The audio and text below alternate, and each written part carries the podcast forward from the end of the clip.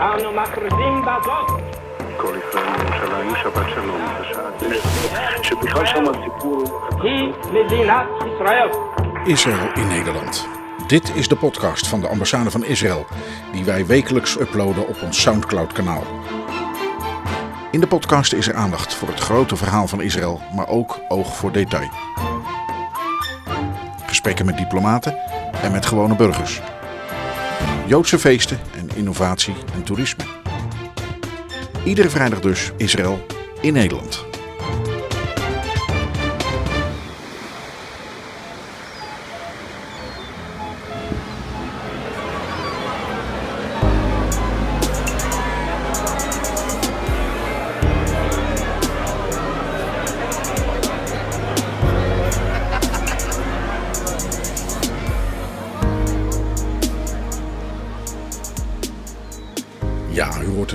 Dit is niet normaal. Zo beginnen we niet met een gewone uitzending van onze podcast.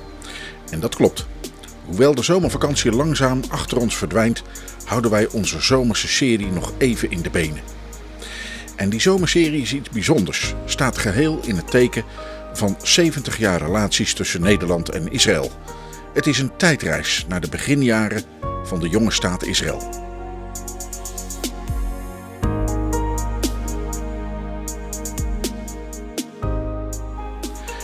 Enkele jaren geleden zag ik bij het oud papier een antiek boek liggen. En ik ben dan zo dat ik toch nog even kijk wat het is voordat het weggaat. Het bleek te gaan om het dagboek van de eerste Nederlandse ambassadeur in Jeruzalem. Jeruzalem indien ik u vergeten was de titel, geschreven door Johan Alexander Nederbracht. Hij was eerst consul-generaal en vervolgens officieel gezant van het Koninkrijk der Nederlanden van februari 1948 tot en met oktober 1950. Hij maakte de stichting van Israël en de onafhankelijkheidsoorlog dus als ooggetuige mee. We gaan over de schouder van Johan Nederbracht meelezen en meekijken naar wat hij zo meemaakt. We sluiten die serie binnenkort af als we een evaluatie van de man en zijn betekenis maken met historicus Bart Wallet en andere gasten. Daarbij komt ook de tijd aan de orde voordat hij naar Israël vertrok, ook de oorlogsjaren waarover controverse bestaat. Dat dus later, maar eerst nemen we u mee naar 1948.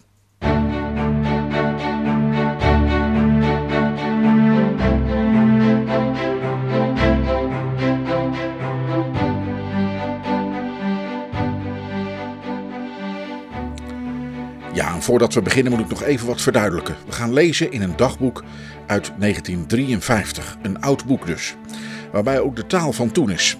Zo heeft ambassadeur Nederbracht het niet over beschietingen, maar over schieterijen. Vaak gaat het over Lake Success en dat is dan het plaatsje in de Amerikaanse staat New York, waar in 1948 en de jaren daarna onderhandeld wordt over een oplossing van het conflict in het Brits mandaatgebied Palestina. Het gaat over truce, een bestand tussen strijdende partijen, en ceasefire, een staakt het vuren. En in de woorden van Nederbracht is een voorbereidende VN-delegatie een avant-garde der VN. En omdat hij een religieus man is, gereformeerd, zijn voor hem de Bijbelse verhalen deel van zijn dagelijkse realiteit. De vorige keren volgden we Nederbracht tot aan het uitroepen van de staat Israël en tijdens de onafhankelijkheidsoorlog. Nu is het 1950 en is er wapenstilstand.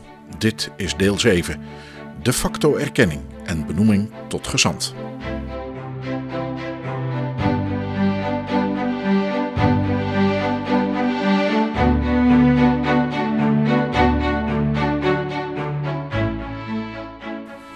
In Jediot Hadashot vond ik kort geleden een artikel getiteld IJziger Wind aus Moskou van Jon Kimge, die als serieus en betrouwbaar journalist bekend staat.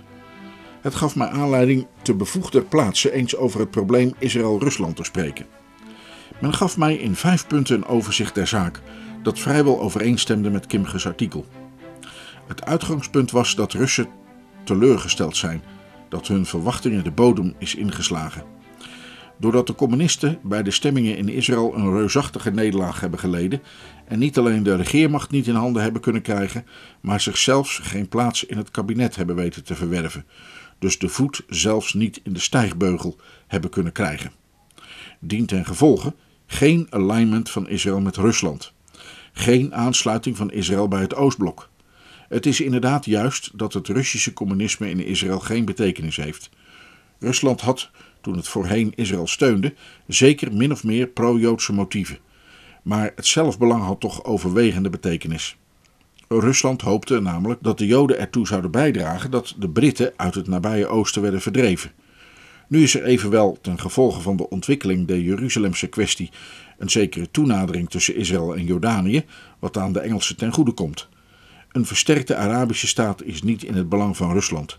Het is aan Rusland niet aangenaam dat Israël financieel afhankelijk is van het Amerikaanse Jodendom, al betekent dat dan ook geen financiële afhankelijkheid van Amerika als staat. In dit verband merk ik op dat men deed uitkomen dat aan leningen die Israël uit Amerika krijgt geen politieke voorwaarden verbonden zijn. Wel bleek men van mening dat Israël via het Jodendom in Amerika ook relaties krijgt met de niet-Joodse wereld aldaar, wat door Rusland niet gaarne gezien wordt. En voorts is er de kwestie van de Joden in Oost-Europa, respectievelijk in de landen van het Oostblok. In Rusland zijn er schatting 3,5 miljoen Joden, maar het is vooralsnog niet voor hen dat Israël in het krijt getreden is. Wel voor de Joden in Roemenië en in Hongarije, die op rond 300.000, respectievelijk rond 200.000 geschat moet worden en die naar Israël wensen te emigreren. Nu zijn de verhoudingen Israël-Roemenië niet best en de ambassade, het gezantschap, in Boekarest is overgelaten aan een lager ambtenaar. Deze dingen werken niet gunstig op de verhouding Israël-Rusland. Overigens is er sedert de stichting van de Staten Israël een nieuwe golf van sionisme onder de Joden, ook in Rusland, waar bijvoorbeeld mevrouw Golda Meierson, toen zij in Moskou als gezante was, herhaaldelijk het voorwerp was van warme ovaties, merkerwaardige wijze uitingen van communistische Joden. De reacties hierop van het officiële Rusland was aanvankelijk negatief, maar zo zeide men, sedert een vijftal maanden was de oppositie tegen het sionisme zeer scherp. Moskou ziet er een uiting van Amerikaanse imperialisme in. Samenvattend betoogde men dat Israël en Rusland niet meer in de wittebroodsweken zijn, maar men mag niet zeggen dat ze niet vriendschappelijk zijn. Ze zijn normaal vriendschappelijk, maar niet zo hartelijk als eertijds. Wij hebben, zo zeide mij iemand, de Russen gezegd: geef ons net als Amerika, dus ook zonder politieke voorwaarden, een lening, zo niet in geld, als ge dat niet hebt, dan in goederen. Wat zeer wel zou gaan, want ge hebt allerlei producten die wij kunnen gebruiken. Maar zegt men, als wij zulke dingen voorslaan, is het enige resultaat geen antwoord.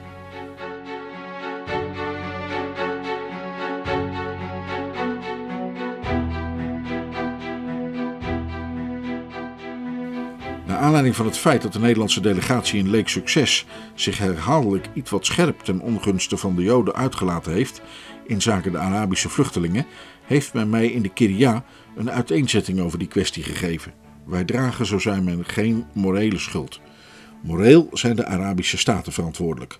De Arabieren zijn niet verdreven, maar verlieten hun haardsteden op instigatie van de Mufti, van de Engelsen en van de Arabische staten, die hun enerzijds vrees voor de Joden inbliezen, maar hun anderzijds in uitzicht stelden dat ze spoedig achter de Engels-Arabische legers aan weer zouden kunnen terugkeren. Er was, zeide men, een mengeling van vrees en valse hoop, een hoop die op teleurstelling uitliep. Mijn zegsman ontkende niet dat Der Yassin en dergelijke dingen de vrees der Arabieren versterkt kunnen hebben. Wat de mogelijkheid van een spoedige regeling betreft, zette men uiteen dat een retransfer van de refugees niet wenselijk is. Zij zijn voor de overgrote meerderheid in Arabische staten waar ze in de omgeving passen, terwijl ze zich in Israël niet meer thuis zullen voelen. Economisch zouden zij het in Israël trouwens moeilijk hebben, omdat zij geheel in veranderde omstandigheden geheel overnieuw zouden moeten beginnen, terwijl de Arabische landen behoefte hebben aan werkkrachten. Bovendien zou de vrede in het Midden-Oosten niet gediend zijn met een groot contingent Arabieren in Israël. De samenwerking met andere staten zou er niet door worden gediend als er Arabische propaganda in het hart van Israël zou kunnen worden gevoerd. Voorts was er de vraag in welke mate Israël kan en wil meewerken aan een regeling der refugié-kwestie. Israël zal gaarne helpen, wij zijn zeer gevoelig voor humanitaire problemen. In de eerste plaats wil Israël helpen aan de vorming van een settlement fund, waarin het storten wil de tegenwaarde van landerijen, huizen en andere vaste goederen die aan Arabieren hebben boord. Met name leden van door de oorlog uiteengescheurde gezinnen, 10 tot 15.000. Op 1 januari jongstleden waren er in Israël 115.000 Arabieren. Thans zijn er 160.000 met inbegrip van de individueel toegelatenen. Israël is bereid dit getal op te voeren tot 250.000. Met het oog op veiligheid en economische capaciteit kan men niet verder gaan.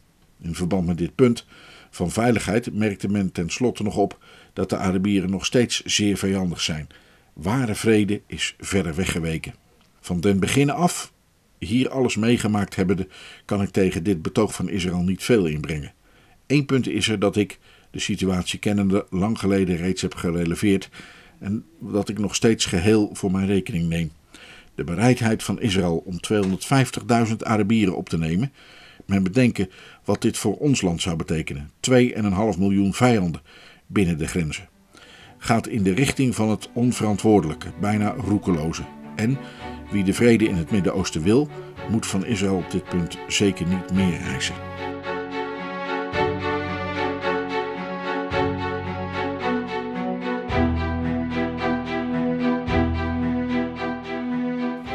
Reactie op berichten uit Leek Succes waren er des zaterdags, dat was 3 december, grote demonstraties tegen de internationalisering van Jeruzalem, die de integriteit der stad zou aantasten. Eén meeting, welke in een grote bioscoop plaatsvond, werd geleid door burgemeester Auster, die in deze zaak de grote drijfkracht is. De Safadische opperrabijn Uziel, die mede aanwezig was, maakte de opmerking dat het de eerste maal was dat hij op sabbat in een bioscoop was. In deze meeting werd het principe van non-coöperatie verkondigd, volgens het welk in Jeruzalem niemand met de vertegenwoordigers van de VN zou medewerken, zodat deze zich in een grote leegte zouden bevinden. Op een andere meeting waren de Ashkenazische opperrabijn Herzog en de president van het Hoge Gerechtshof Smoira de hoofdpersonen. Ik teken hierbij aan dat de heer Herzog minstens even orthodox is als de heer Uziel, misschien nog orthodoxer. De heer Uziel geeft een dame ter begroeting de hand. De heer Herzog meent dat niet te mogen doen. Voor beide heren is de Sabbat dé grote kwestie. Behoudend Jeruzalem de heilige stad, waarvoor zelfs de Sabbat moet wijken. Beide meetings zonder telegrammen naar minister Charette in leek succes. Op de beide meetings werd gezegd dat er in geval van internationalisatie geen ondergrondse, geen terreur zou zijn. Een heel volk gaat niet onder de grond.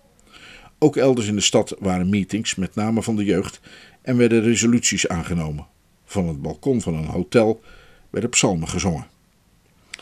De volgende dag toog een groot deel van de bevolking van Jeruzalem onder aanvoering van de burgemeester met de voltallige gemeenteraad en vele andere autoriteiten naar het graf van Herzl, waar zich reeds de kinderen van de hoogste klasse der scholen bevonden, met vaandels om trouw aan Jeruzalem te zweren.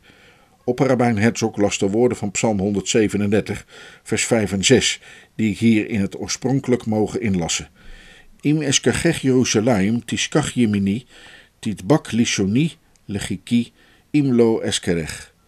Imlo aale Jeruzalem, al rosh simchati. Indien ik u vergeet, o Jeruzalem, zo vergeten mijn rechterhand zichzelf. Mijn tong kleven aan mijn gehemelte, zo ik aan u niet gedenk. Zo ik Jeruzalem niet verheffen boven het hoogste mijner blijdschap. Hij voegde hier aan de woorden van Jesaja 62 vers 1 toe. Om Sions wil zal ik niet zwijgen en om Jeruzalems wil zal ik niet rusten, totdat zijn heil opgaat als een lichtglans en zijn verlossing als een brandende fakkel. De aanwezigen murmelden de eed met opgeheven hand mede. De aanwezigen, hoeveel zijn er dat geweest? Eén blad zegt vijftigduizend. Dat zou gelijk staan met het ganse volwassen Jeruzalem. Een ander blad zegt vijftienduizend. De een zegt dat Jeruzalem uitgestorven was. De ander dat hij er in de stad niet veel van gemerkt heeft. En die ander voegt eraan toe, weet u, veel zakenmensen zien voordeel in internationalisatie. Ten slotte hield de Knesset des maandags een plechtige vergadering waar de minister-president een reden hield waarvan de strekking was dat het Joodse volk niet gedogen zou dat Jeruzalem van Israël werd afgesneden en dat het Joodse Jeruzalem nooit een vreemde overheersing zou aanvaarden. De heer Ben Gurion legde er daarnaast de nadruk op dat Israël vrijwillig het principe van internationaal toezicht op de heilige plaatsen heeft aanvaard en dat het de rechten van alle godsdiensten in de soevereine staat Israël en in de heilige hoofdstad Jeruzalem eerbiedigt. Ik lees in de Palestine Post: de Knesset, als één man opstaande, sprak vannacht haar instemming uit met de verklaring van de eerste minister. Naar aanleiding van deze reden werden door enkele leden opmerkingen gemaakt, onder andere door de voormalige terroristenleiders, die zeiden dat de Joodse jeugd bereid was opnieuw haar bloed te geven om Jeruzalem te redden. Maar niemand deed enige afbreuk aan de reden van de minister en, om het plechtige van het ogenblik te doen uitkomen, schorste de voorzitter de vergadering alvorens de routinezaken aan de orde te stellen.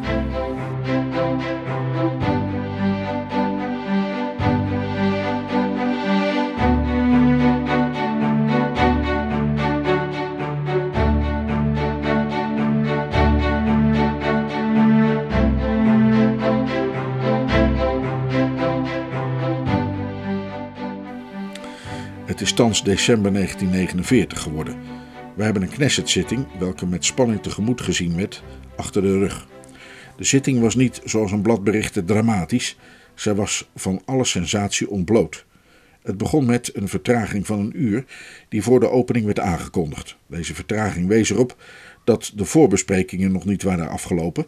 Er waren spanningen tussen de partijen, maar ook in de partijen zelf. Na de opening kreeg de minister-president aanstonds het woord om een verklaring af te leggen.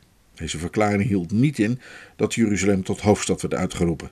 Ze hield wel in dat de regering voornemens is met de overbrenging van de regeringsbureaus naar Jeruzalem voort te gaan op dezelfde wijze waarop zulks dus ver geschiedde. De krant vermeldt vanmorgen dat er reeds zes ministeries in Jeruzalem zijn.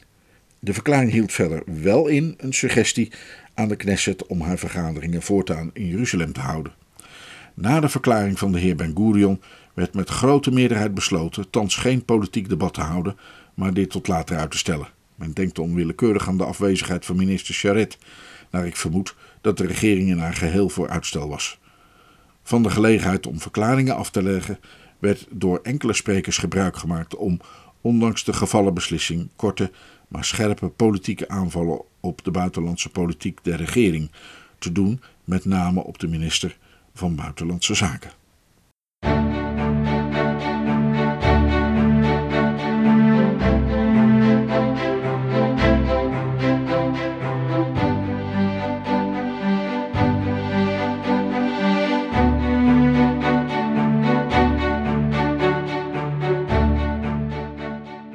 Deze 14 december is een stille, maar voor Israël belangrijke dag geworden. De minister-president is met een klein gevolg naar Jeruzalem gekomen om er maatregelen te nemen voor zijn vestiging al hier en om ook de huisvesting van andere departementen te bestuderen, met dokter Jozef, de minister van Bevoorrading, die voorzitter is van de betrokken commissie. De Knesset, van welke ik veronderstelde dat ze misschien nog een paar maal in Tel Aviv zou vergaderen, heeft op deze woensdag er zijn laatste vergadering gehouden, die onder een beetje applaus door de voorzitter gesloten werd met de simpele woorden, ik citeer de Palestine Post, de vergadering is gesloten en de volgende vergadering na het Chanukka-feest zal in Jeruzalem op 26 december plaatsvinden. In een speciale vergadering van de gemeenteraad van Jeruzalem is besloten de trouw support van de bevolking van Jeruzalem aan de regering te verzekeren van het besluit van de regering en Knesset om naar Jeruzalem terug te keren, met dankbaarheid kennis te nemen en de minister-president te benoemen tot ereburger van Jeruzalem uit waardering voor zijn verdiensten voor de stad. Voorts vond in tegenwoordigheid van de heer Ben Gurion de opening plaats van een gemeentelijke centrale voor de lichte industrie in Jeruzalem, bij welke gelegenheid de premier in antwoord op een toespraak van de burgemeester, de heer Auster, een reden hield, waarin hij bedankte voor de grote eer die hem te beurt was gevallen. Hij gaf, zeide hij, niet veel om titels, maar op deze was hij trots. Deze kwam in de rang onmiddellijk na die andere, die hij zelf gekozen had, veertig jaar geleden, een Joods arbeider in Palestina te zijn. Typisch Ben Gurion. Uit deze reden mogen ik verder nog aantekenen dat de minister wel wat overdreven zeide dat nu de hele wereld en de hele organisatie van de Verenigde Naties tegenover Israël stond.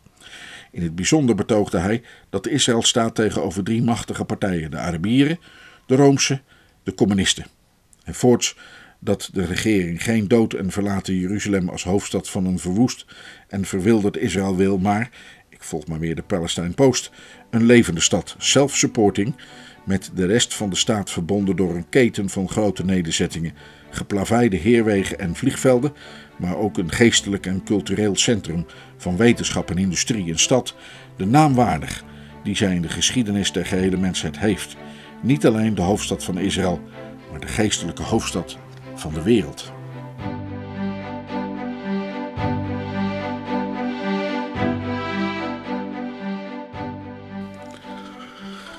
Op 22 december had ik de eerder minister-president aan een diner in het Sharon Hotel te Herzliya met zijn echtgenote te gast te hebben. Ook mevrouw Golda Meir, Meijerson, Israëls vrouwelijke minister, was aanwezig. Benevens een aantal hoofdambtenaren, met name van Buitenlandse Zaken en enige leden der Nederlandse kolonie van Tel Aviv, alle met hun dames. Het was een gezelschap waarin men zich geheel vrij kon uitspreken. Er was aan Buitenlandse Zaken een ogenblik een beetje zenuwachtigheid geweest, omdat zoveel gasten met onaangename boodschappen kwamen aanzetten, maar thans was van zenuwachtigheid geen schijn of schaduw aanwezig. Ik teken hierbij aan dat ik geen onaangename boodschap heb behoeven over te brengen. Heel persoonlijk heb ik mijn vrienden in de Kiria geheel in de bekende lijn mijn gedachten gezegd. Wacht u voor aarzeling, ga rustig uw weg, wees voorzichtig, jaag niemand tegen u in het harnas. Overigens merk ik op dat, naar uit berichten blijkt die mij langs een omweg bereiken, door de Rooms-Katholieke Kerk, ook door de paus, in de zaak Jeruzalem geweldige pressie wordt uitgeoefend. De paus wil een religieus eenheidsfront tot verdediging der heilige plaatsen maken, maar de protestanten voelen daar niets voor.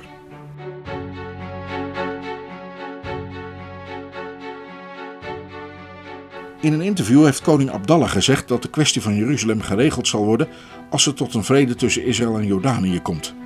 Inmiddels hoeft men voor de heilige plaatsen niet te vrezen, want deze zijn vast en veilig in handen der Arabieren en zullen daar met Gods hulp blijven. De besluiten van de VN getuigen niet van kennis van zaken en zijn onrealistisch. De Palestine Post laat daarop nog deze twee mededelingen volgen. Radio Beirut en Radio Damascus hebben gezegd dat sommige Arabische staten die voor internationalisatie hebben gestemd, nu hebben gerealiseerd dat ze zich vergist hebben en inzien dat de implementatie van deze VN-beslissing onmogelijk is. Men doet mijns inziens het best deze mededeling met reserve te aanvaarden, als zijn er waarschijnlijk niet veel meer dan wishful thinking. Voorts dat de post van administrateur-generaal van Arabisch-Palestina, die slechts negen maanden geleden werd ingesteld, deze dagen kwam te vervallen. Deze mededeling is ongetwijfeld juist, al betwijfel ik of de titulatuur correct is.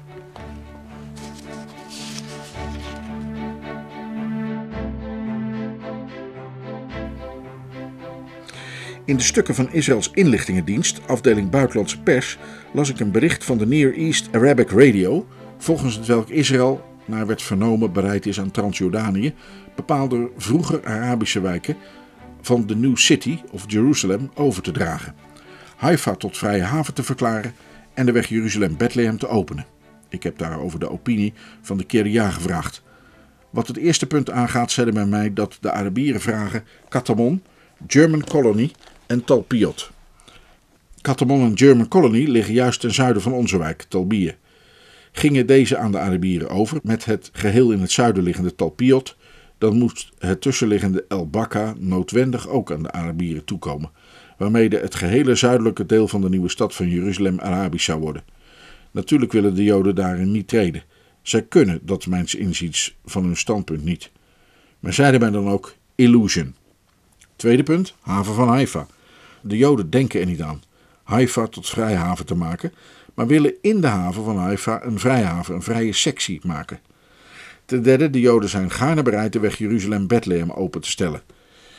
Meer algemeen, de verhouding Israël-Jordanië besprekende, zeide mijn zegsman dat er op het ogenblik tactische samenwerking tussen partijen is. En vrij vergaande overeenstemming over Jeruzalem, natuurlijk tegen internationalisatie.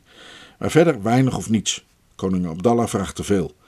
In dit verband kwam ook Syrië even ter sprake. Israël is omtrent de gang van zaken in Syrië ongerust. Het leger tegen een unie met Irak kan er zelf geen regering vormen, maar blokkeert elke andere regering. Koning Abdallah, nu in Bagdad, is voor Groot-Syrië. Israël is er tegen. De koning zou Syrië wel binnen willen marcheren en heeft Israël gesondeerd. Israël is er tegen.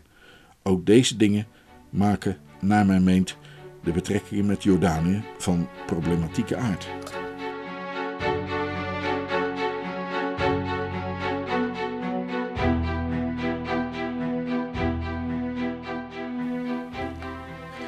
In verband met de lof voor dokter Weidsman en zijn trial and error, die ik in de Nederlandse pers vind, en met het gereserveerde oordeel dat ik ter zake wel eens heb uitgesproken, merk ik op dat zich uit een gesprek van een mij zeer nastaand persoon Met een kortelings hierheen geëmigreerd, mij bekend zeer bekwaam Nederlander uit een Joods religieus huis die jarenlang Zionist is, de volgende treffende karakterisering der beide staatslieden Ben Gurion en Weizmann kristalliseerde.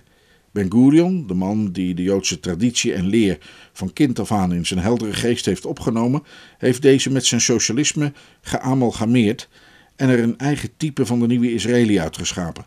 De man van de arbeidersbeweging, zich bewegende te midden van het volk, de massa, uitblinkende door de Joodse en klassieke geleerdheid, welke zich vooral openbaart in het dagelijks kleed van zijn briljante stijl en zijn bewonderenswaardig Hebreeuws.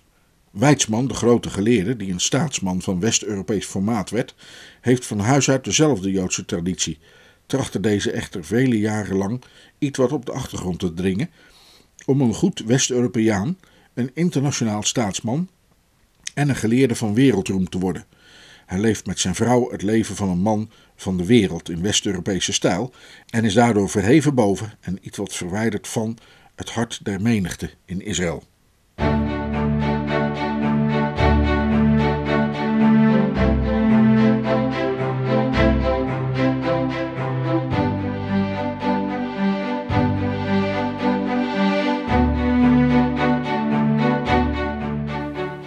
Het is nu maandag 16 januari 1950. In de nacht van 14 op 15 mei 1948 is de staat Israël gesticht. Reeds voor 22 mei van dat jaar, de precieze datum kan ik niet meer vaststellen, heb ik gesuggereerd met de erkenning van de staat niet langer te wachten.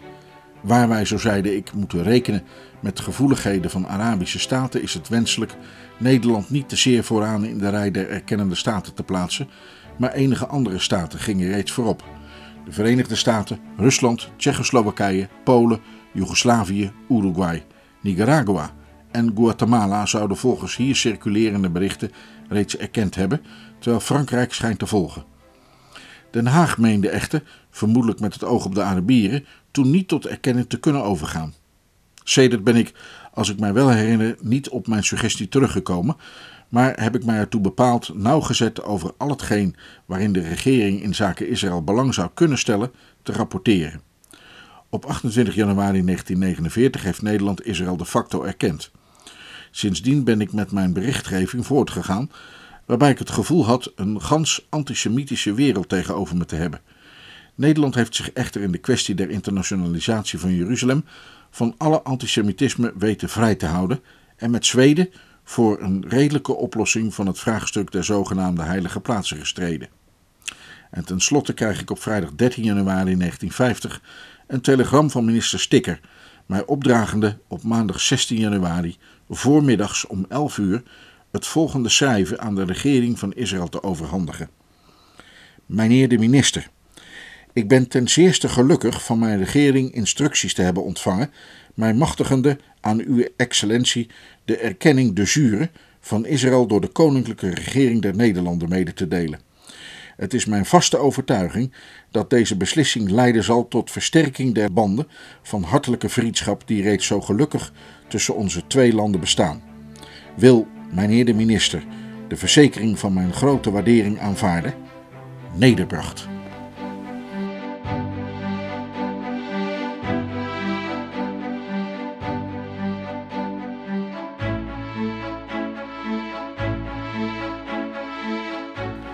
De minister voegde hieraan toe dat de heer Amir in Den Haag op hetzelfde ogenblik dezelfde inlichting zou ontvangen en dat de regering door de bemiddeling van de heer Amir het agreement van de regering van Israël voor mijn benoeming tot gezant had gevraagd.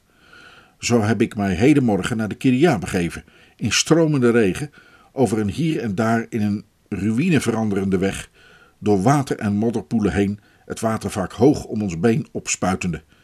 In de Kiria heb ik bij afwezigheid van minister Charet, die elders vertoefde, aan de directeur-generaal van Buitenlandse Zaken, de heer Eitan, die ongeveer rang en positie van een staatssecretaris ten onzent heeft, in bijzijn van de heer Afner, chef der afdeling West-Europa, de brief overhandigd. De heer Eitan sprak zijn grote vreugde uit over de erkenning de jure, in het bijzonder ook over het feit dat Nederland van de Benelux-landen het eerste is dat Israël de jure erkent. Hieraan hecht men in de regeringskringen in Israël zoveel waarde dat de heer Avner, die ik laatst over andere aangelegenheden nog even afzonderlijk sprak, mij nadrukkelijk vroeg toch vooral niet te vergeten dit te rapporteren. Daarna, op verzoek van de afdeling protocol, daar nog enkele ogenblikken sprekende, gaf men mij van het voorgaande deze verklaring. Holland is iets heel anders dan andere landen. Holland heeft door de eeuwen heen zoveel voor ons gedaan. Met Holland hebben wij zulke uitstekende relaties. Mede bij gelegenheid van andere besprekingen die ik had te voeren, onder andere nieuwe KLM-lijn, bleek mij dat men zeer verheugd is over de erkenning de jure, dat men de houding welke de Nederlandse regering in de zaak Israël heeft aangenomen hooglijk waardeert en dat de voorgenomen gezantsbedoeling met sympathie wordt begroet.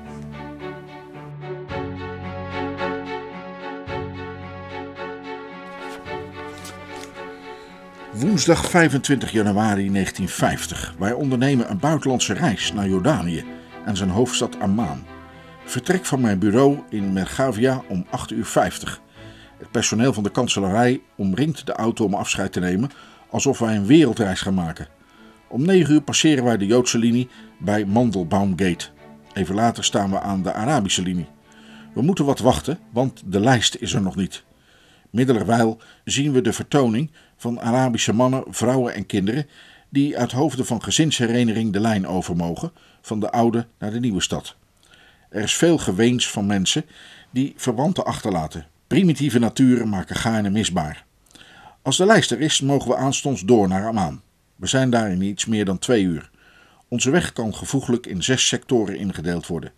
Drie aan elke zijde van de Jordaan. Van Jeruzalem af, dat 800 meter boven de zeespiegel ligt, naar de Jordaan, die er 400 beneden stroomt. Het prachtige bergland oostelijk van de heilige stad, de vlakte van Jericho. De grillige rotsformaties en diepe insnijdingen van de bodem, de hoge westoever van de Jordaan vormende en herinnerende aan de vrouw van Lot.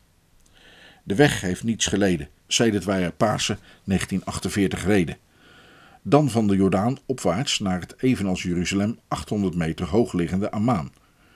Jordaanvlakte, iets wat griezelige bergweg langs de afgronden in een natuur die het West-Jordaanse traject niet evenaren kan, hoge plateauweg tot aan Ammaan. Het is een eenzame en woeste weg. Een eenzame weg in die zin dat we slechts door een paar plaatsjes komen. Aan de ene zijde van de Jordaan alleen Betanië en Jericho, de stad met haar tentenkamp voor refugees en haar overvulde straten, die heel niet aan die van 1948 herinneren, en haar van voedingsmiddelen uitpuilende winkels. Aan de andere zijde het dorpje Schoene, met winterresidentie van de koning, en het stadje Salt, als een vogelnest aan de steile berghelling vastgekleefd, waar we met een heel scherpe bocht plotseling sterk naar boven gaan, en het vrij onooglijke mensennestje Schweiley. Een woeste weg, aan de westzijde van de Jordaan alleen wat bodemcultuur in Jericho met zijn palmen, aan de oostzijde een beetje landbouw, die als ik het goed zie kwantitatief en kwalitatief verbeterd zou kunnen worden.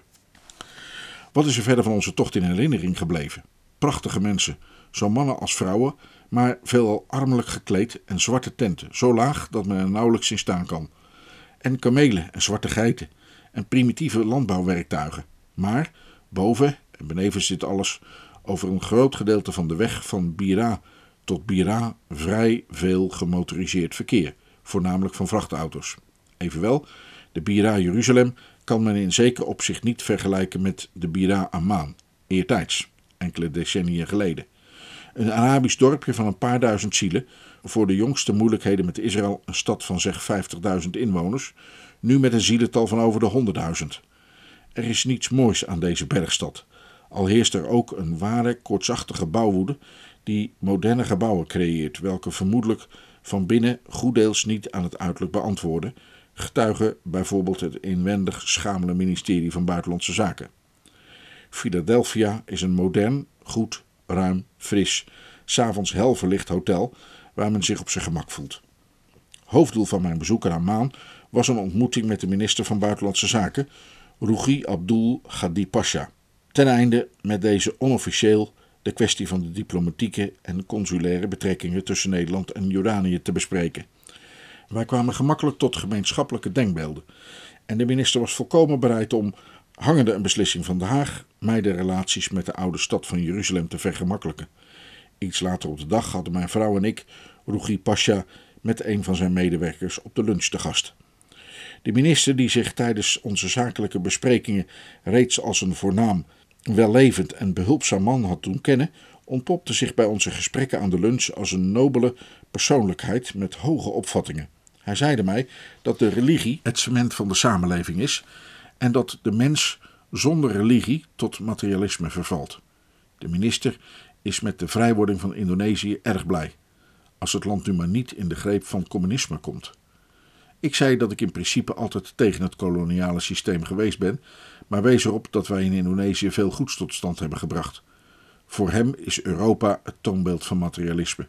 Naar aanleiding waarvan ik Rugi Pasha uiteengezet heb dat in Holland tienduizenden gezinnen dagelijks één of meermalen de Bijbel lezen en geen dag voorbij laten gaan zonder hun gebeden te doen. De minister kent het christendom en hij eert het en hij zegt dat hij al bijna al de beginselen van het christendom onderschrijven kan, alleen maar ziet hij de Christus als een groot profeet en niet als God. Over de koning sprekende, die mij een volgende bezoek gaarne ontvangen zal, vertelde Rugi Pasha mij dat Abdallah een groot gelovige is die sterk hecht aan zijn godsdienstplichten, welke hij nooit verzuimt. De minister kreeg eens een reprimande omdat hij te laat voor het gebed was. En dat hij een gezworen vijand is van het communisme, dat hij meer dan iets anders haat. Al de mooie uitvindingen van onze tijd hebben, zegt de minister, slechts zeer relatieve waarde. Hij liet zich wel nu en dan kritisch over de Joden uit, maar zonder enige felheid. Heel zijn spreken herinnerde mij aan de Joodse spreuk volgens welke de wereld rust op recht, waarheid en vrede, en zijn uiteenzetting over de religie stemde volkomen overeen met een uitspraak die een Joodse vriend juist gisteren in een gesprek deed dat ik met hem had. Ik moet denken aan de mensen des welbehagens, van welke in de velden van Bethlehem gesproken werd en die overal gelijkgezind zijn.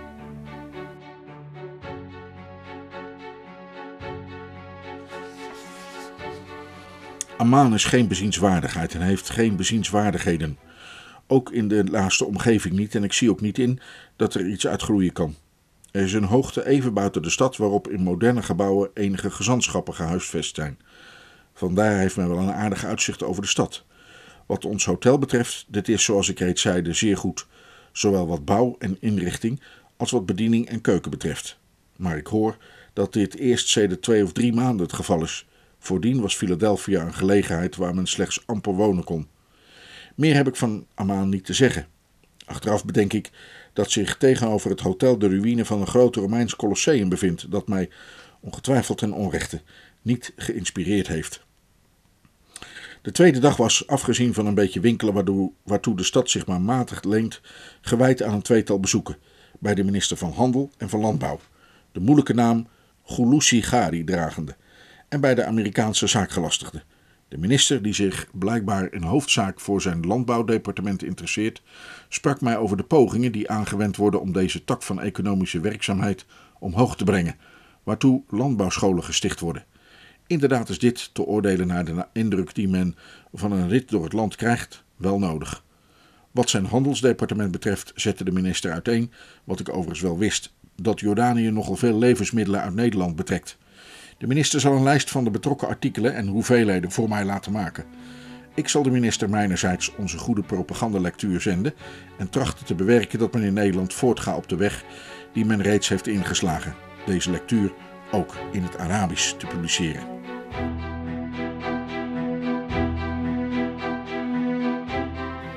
Wij dalen naar Jericho af. Het is stralend weer. Van het bergplateau bij Amman heeft men een mooi uitzicht over de bergen rondom, die in een paarsachtig waas gehuld zijn. Ik krijg opnieuw de indruk dat er hier nogal wat land is dat bij goede bewerking een mooie oogst kan opleveren. Als minister Gulu Gari er zijn best op doet, is er mijns inziens zeker wat van te maken. De weg is uitstekend. Wij rijden nu eens langs de bergkant, dan weer langs de kant van de afgrond. Maar we rijden veilig, daar de weg voldoende ruimte laat voor passeren en de bochten goed gelegd zijn. In de Jordaanvlakte komende hebben wij een prachtig uitzicht op de wonderlijke hoge oever van de Jordaan en op de grillige bergen van Judea. Als we de Jordaan over en Jericho door zijn, slaan we linksaf naar de Dode Zee. Daar wacht ons een deceptie. De Dode Zee is alleen mooi door lichteffecten, maar ze zijn er op dit ogenblik niet en alles is doods. Ook omdat het leven dat men aan de oever getoverd had, het beroemde Kalia Hotel, Een Joodse nederzetting die zelfs hier de grond productief wist te maken. En zo meer door de oorlog verwoest is. Hoe het zij, we kunnen zeggen dat we aan de Dode Zee geweest zijn. En dat geeft op zichzelf al zekere voldoening. Wij wenden ons van het doodse toneel af, keren tot de hoofdweg terug en rijden met talloze bochten, waaronder heel scherpe haarspeldbochten, met sterke stijgingen terug naar ons uitgangspunt, Jeruzalem.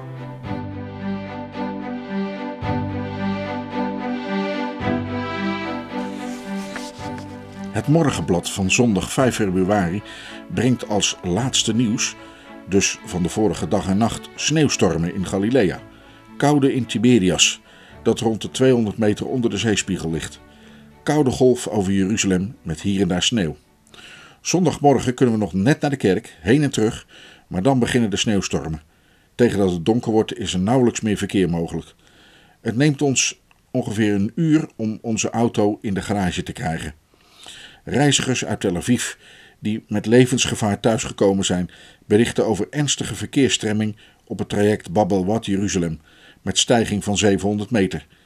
In het maandagochtendblad lees ik over zondag en over de nacht van zondag op maandag opschriften als sterke sneeuwval in het gehele land, urenlange sneeuwstormen in Tel Aviv en Haifa, verkeersstoringen op grote verkeerswegen. Thuis hebben we geen elektriciteit meer, nog voor licht, nog voor kracht. Van huis naar bureau moet ik door niet opgewaaide sneeuw van voorzichtig geschat 35 centimeter hoogte ploeteren. Maandag is het ergste voorbij, zijn er bijna geen sneeuwstormen meer en breekt de zon door. Ik vind dat we maar eenmaal door de sneeuw heen en weer kunnen en beslis dan dat het bureau in de namiddag gesloten blijft. Het morgenblad van dinsdag brengt alarmerende berichten met opschriften als sneeuwdormen van Dan tot Beersheba, Jeruzalem afgesneden, Knessetvergadering verdaagd, grote verkeerswegen onbegaanbaar, telefoonverkeer gestoord, sneeuw in Tiberias, urenlange sneeuwval in de Jordaanvlakte, instorting door sneeuwlast van het kamp Ein Shemer, vier olim uit Jemen gedood, verscheidene gewond, nederzettingen afgesneden, zijn in nood en moeten door de lucht geapproviandeerd worden. Aug im Negev, 20 centimeter sneeuw. En aan de Egyptische grens 75. El Al vliegtuig in Loet in vlammen opgegaan. Wat dit laatste betreft is nog niet duidelijk in hoeverre dit ongeluk met de sneeuw te maken heeft. Overigens is het op de morgen, waarop ons deze jobstijdingen bereiken, na een nachtvorst van naar ik hoor ongeveer 5 graden, stralend weer. Woensdagmorgen vind ik nog opschriften als koude records in het hele land, tot min 12 toe. Slachtoffers van de koude, valt nogal mee, maar ook na nachtvorst weer, slechts zeer matig, alleen in de zon. Jeruzalem verbreekt de sneeuwketenen, weder functioneren van het overlandverkeer. Langzaamaan wordt alles weer normaal, maar een collega, goed weerkenner, kent Palestina al 25 jaar, doch heeft nooit zoiets meegemaakt, is pessimistisch voor de naaste toekomst en vreest dat de calamiteit zich herhalen kan. Maar hij heeft ditmaal ongelijk gekregen. Als ik het Oude Testament opsla, krijg ik niet de indruk dat sneeuw, zelfs veel sneeuw, in het Heilige Land iets buitengewoons was. Maar, zeggen we dan, weet u, sinds mensenheugenis kwam er zoiets niet voor. Zeker. Maar mensenheugenis is zulk een beperkt begrip. Ik kan de aanvechting niet weerstaan dit chapiter te besluiten met twee kleine geschiedenisjes. één uit de oude en één uit de nieuwe tijd. Maar in omgekeerde volgorde. Het verhaaltje uit de nieuwe tijd is kort. Een meneer moet op de weg Tel Aviv-Haifa tijdens de sneeuwstorm zijn auto in de steek laten en vindt zijn, en vindt zijn voertuig des andere daags terug als een vormloze witte heuvel. Het andere vertelseltje is iets langer, in instructiever, naar ik meen aan de Talmud ontleend. Er is een leergierige, maar arme jongeman die de kosten van het onderwijs in een Talmudschooltje niet betalen kan. Daarom klimt hij op het dak, maakt er een gat in en gaat op het dak liggen met het oor bij het luistergat. Dan begint het te sneeuwen.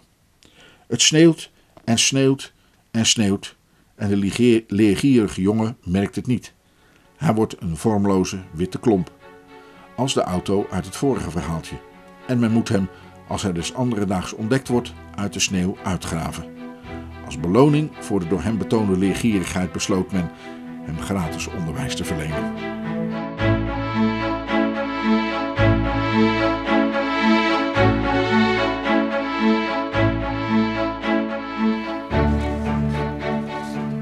Aan het feit dat ook Israël zijn schoolstrijd heeft, waarin het voor de Joodse orthodoxe geestelijken erom gaat het onderwijs in Israël onder hun opperheerschappij te houden, werd ik herinnerd door een artikel in Maarif, een onafhankelijk avondblad, Maarif betekent avondgebed, van 6 januari jongstleden, dat het opschrift draagt Joodse zuigelingen stromen naar, naar Jaffa.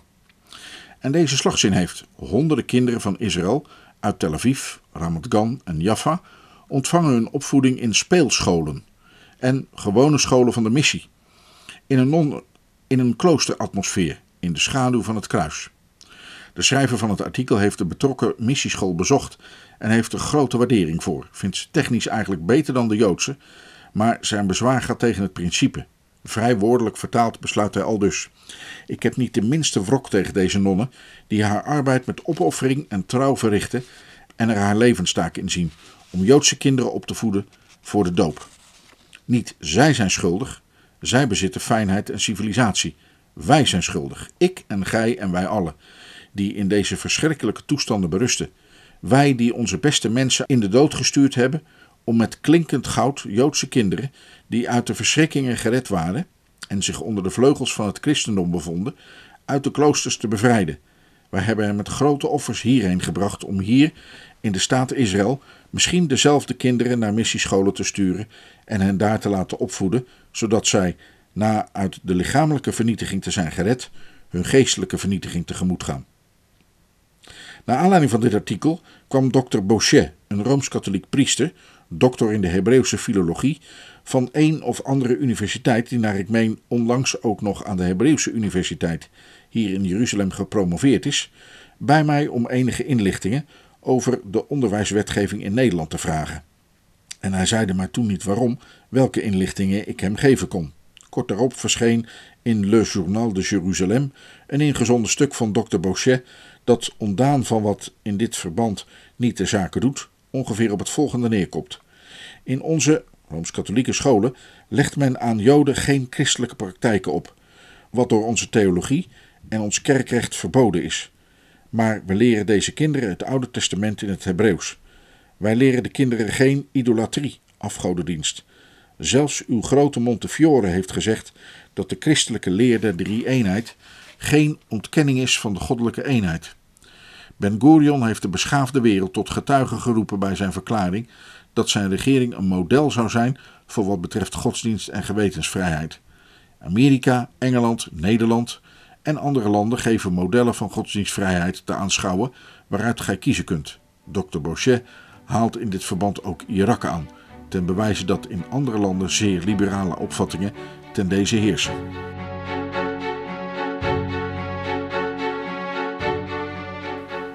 Ik heb over deze zaak een gesprek gehad met Reverend Scott Morrison van de Schotse Kerk, die de Schotse parochie in Jeruzalem dient en de parochie in Jaffa, in welke plaats ook deze kerk een missieschool heeft. Reverend Scott Morrison zegt mij dat de rooms-katholieke missiescholen in Jaffa ongeveer 300 leerlingen hebben, vrijwel zonder uitzondering Arabische kinderen. Jaffa is, naar ik als bekend mag veronderstellen, een vanouds een Arabisch centrum, dat door de onlusten van 1948 grotendeels was ontbonden, maar sedertdien deels is herleefd. De Schotse missieschool heeft ongeveer 80 leerlingen, deels Arabische kinderen, deels kinderen van Jodenchristenen, deels kinderen van uit Europa gekomen geassimileerde Joden. Deze school werd, voor zover ik weet, door Marif niet in het geding gebracht. Vandaar dat Reverend Scott Morrison in het artikel, het artikel nog niet gelezen had, hoewel de grieven van het blad bij de Schotse school aan een juister adres waren geweest dan bij de Rooms-Katholieke scholen met Arabische kinderen.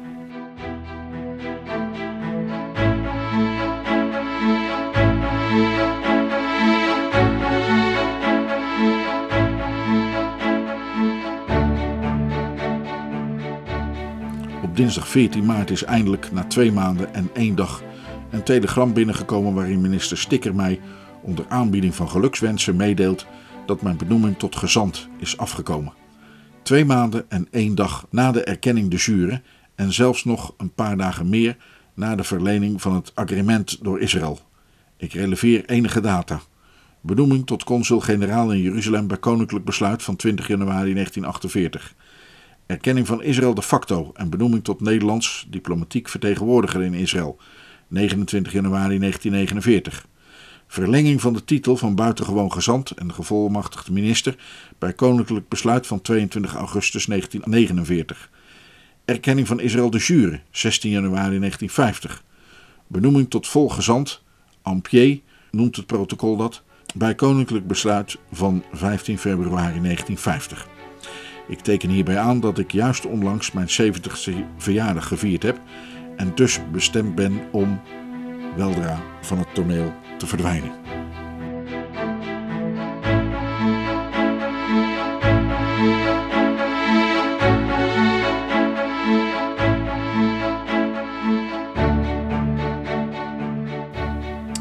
Ik las in de krant dat de Knesset een vergadering schorste om leden de gelegenheid te geven de receptie te bezoeken. Die vrienden mij met mijn verjaardag in Eden Hotel bereid hadden en waar een aantal autoriteiten mij de eer aandeden hun gelukwensen aan te bieden. De Nederlandse kolonie bood mij een mooi gebonden en van zilveren sloten voorziene Hebreeuwse Bijbel met inscriptie aan en een landschap van Jeruzalem van de kunstenares Anna Tycho.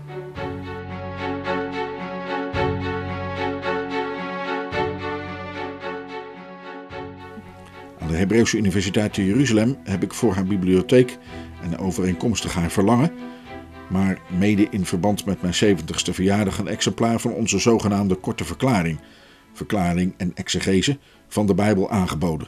De ceremonie, waaraan een aantal vrienden en belangstellenden uit de kringen der universiteit deelnamen, vond onder leiding van de president in een der lokalen van de universiteit plaats. Ik heb daarbij onder meer dit gesproken.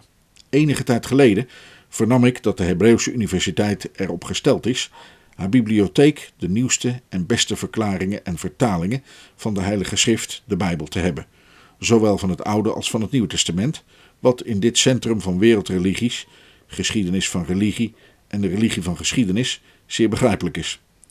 Ik acht het een eer en een genoegen aan de universiteit als een klein persoonlijk geschenk een exemplaar van een nieuwe en naar ik meen zeer zorgvuldige Hollandse publicatie van die aard, de zogenaamde Korte Verklaring, uitgegeven door een aantal van de bekwaamste protestants-orthodoxe theologen die we hebben, aan te bieden.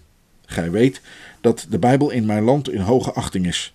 Dit boek is daar in honderdduizenden huizen een boek van dagelijkse lectuur. In een Hollands geschriftje lees ik dit. In de chaos van gedrukt papier, die jarenlang dag in dag uit over de wereld werd uitgestort, blijft er een punt van rust: de Bijbel. Wij lezen dagbladen, weekbladen, maandbladen wetenschappelijke boeken, detective-romans, reisbeschrijvingen, novellen, boeken over kunst, techniek en religie. Maar onherroepelijk veroudert elk ding en op den duur gaat alles op in de nacht van de tijd. Hoe ouder een mens wordt, hoe sceptischer hij wordt ten aanzien van boeken en kranten en hoe minder er hem overblijft dat de moeite waard is. Daar is één boek dat de eeuwen trotseert en ieder jaar in duizenden en duizenden exemplaren over de wereld verspreid wordt. Eén boek dat steeds meer de moeite waard blijkt te zijn. Eén boek dat de mensheid zo dierbaar is dat zij er met vreugde al het andere voor geven wil. Eén boek, de Bijbel. De Bijbel vormde de basis van mijn gehele opvoeding. Hij werd de basis van de bescheiden cultuur die ik verwierf. Hij is nog de basis van mijn gehele leven. Nu een man van meer dan 70 jaar, gedurende welke periode ik veel van de wereld en veel van het leven zag, veel van der mensen zorgen en genoegens, hebben er zelf zeer veel gelezen en geschreven, kan ik slechts zeggen dat de woorden die ik aanhaalde geheel met mijn ervaring overeenstemmen. Laat mij u als symbool van de gehele serie van 50 kleine delen die ik u morgen hoop te zenden, dit boek van Genesis, vertaald in het Hollands en met exegese mogen overhandigen ter ere van wetenschap en religie en met het woord dat ik aan het boek Josaja ontleen. Het woord van onze God zal in eeuwigheid bestaan.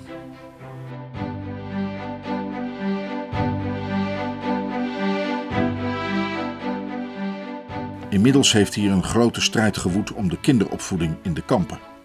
De kwestie van de opvoeding van religieuze kinderen in immigratiekampen, die een maand geleden nagenoeg een regeringscrisis had veroorzaakt, een drietal ministers boycotten bij die gelegenheid de vergaderingen van het kabinet, wat door minister Ben Gurion als ontoelaatbaar werd gebrandmerkt, werd op 14 maart jongstleden met een compromis door de Knesset afgesloten. Een wetswijziging zal dit compromis moeten legaliseren. De nieuwe regeling luidt 1. De afdeling scholen van het departement van onderwijs zal scholen in de immigrantenkampen inrichten. 2. In kampen, bewoond door Jemenieten, zal het onderwijs religieus zijn en onder toezicht staan van een comité van vier orthodoxe personen die de vier erkende schoolsystemen vertegenwoordigen en het personeel zullen benoemen.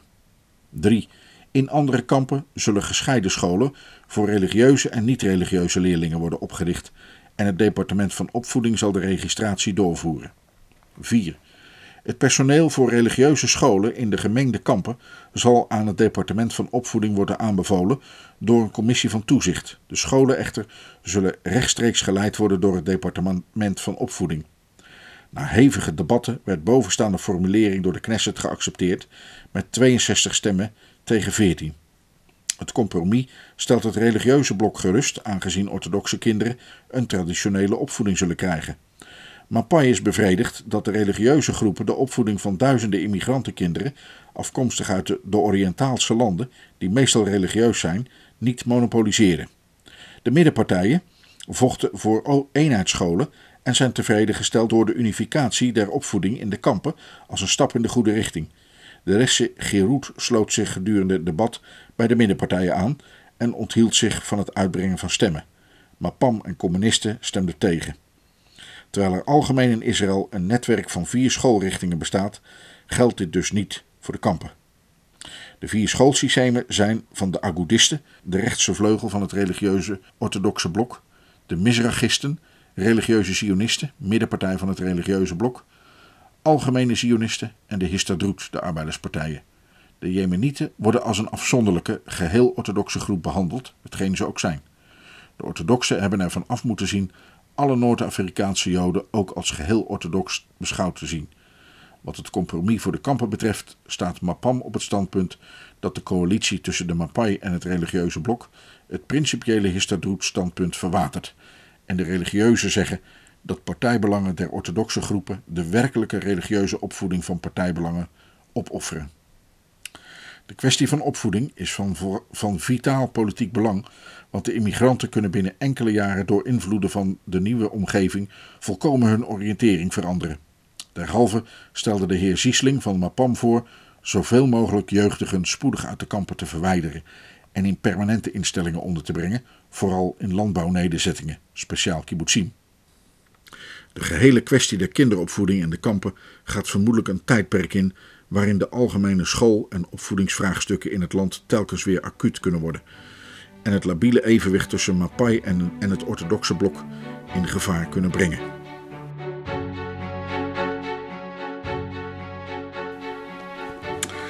Er is een andere religieuze kwestie die erg echter niet voor de Joden, maar voor de christenen van belang is, waarover ik iets wil zeggen, namelijk die van de berg Sion, waar, waarop zich het Kenaculum, ofwel de zaal van het laatste avondmaal, moet bevinden. Het Kenaculum ligt niet in de Arabische zone, zoals ik aanvankelijk dacht, maar op de berg Sion, waar het een deel vormt van een Arabisch huis dat naar hun eigen mening niet zonder meer door de Joden in bezit genomen mag, kan worden. Ik heb het Kenaculum met toestemming van de autoriteiten bezocht. Het ligt op de berg. Hoewel deze voorheen binnen de stadsmuur gelegen moet hebben, heeft men toch niet de indruk dat dit de plaats is die bedoeld werd toen Christus zeide dat zijn discipelen zouden heen gaan in de stad. En een grote toegeruste opperzaal kan het geweest zijn, maar nu is het een kapel die zeker uit een tijd vrij lang na Christus dateert. Het wordt trouwens veelzins betwist dat hier het laatste avondmaal plaats, plaats zou hebben gevonden. Als bij wijze van uitzondering aan pelgrims toegestaan wordt, toegestaan wordt de kapel te bezoeken, mag er door christenen niet gebeden worden, omdat het thans zeker, getuige de grote naar Mekka gerichte gebedsnis, een Mohammedaans Arabisch heiligdom is. Hoe het zij, de wijze waarop de Joden deze heilige plaats verzorgen en bewaken, versterkt mij in mijn mening dat de heilige plaatsen van christenen en Mohammedanen in hun handen veilig zijn. Waarbij ik nog opmerk dat de pal aangrenzende Dormitio-kerk, waar Maria, de moeder van de Heer Jezus, heet te slapen, door de Joden op eigen kosten, uit respect voor de religie van andersdenkenden, geheel gerepareerd wordt. Binnenkort kunnen de geestelijke heren in de Dormitio en de daarbij behorende lokaliteiten weer hun intrek nemen.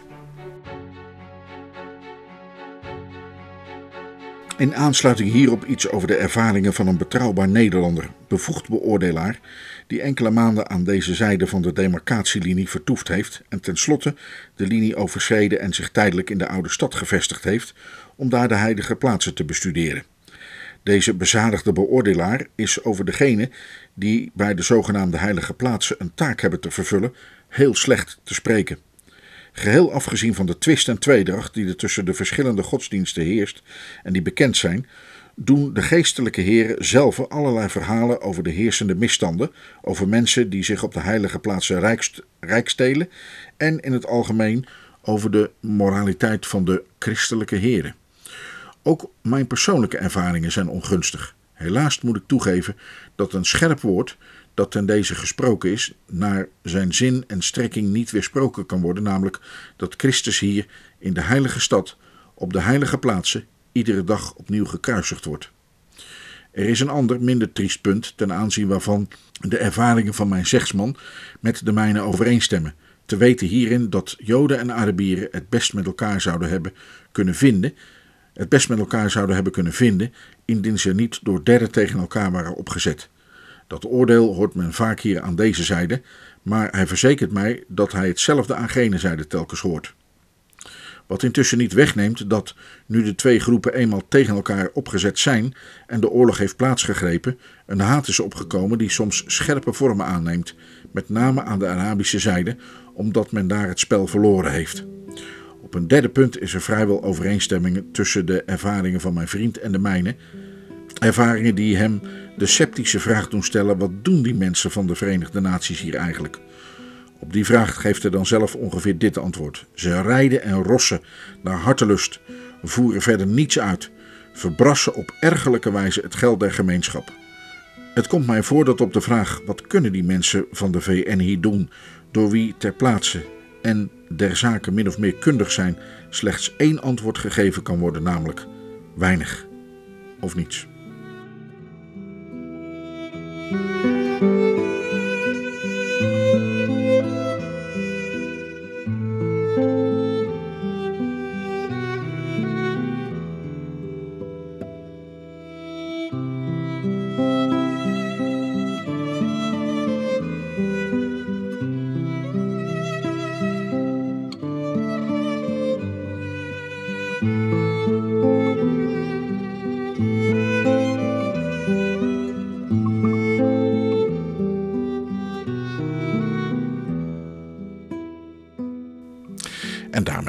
Het einde van deze aflevering van Israël in Nederland, deel 7 van onze speciale serie over Johan Nederbracht. De eerste officieel vertegenwoordiger van Nederland in Israël. Volgende keer deel 8. Geloofsbrieven en rantsoenering. Graag tot dan.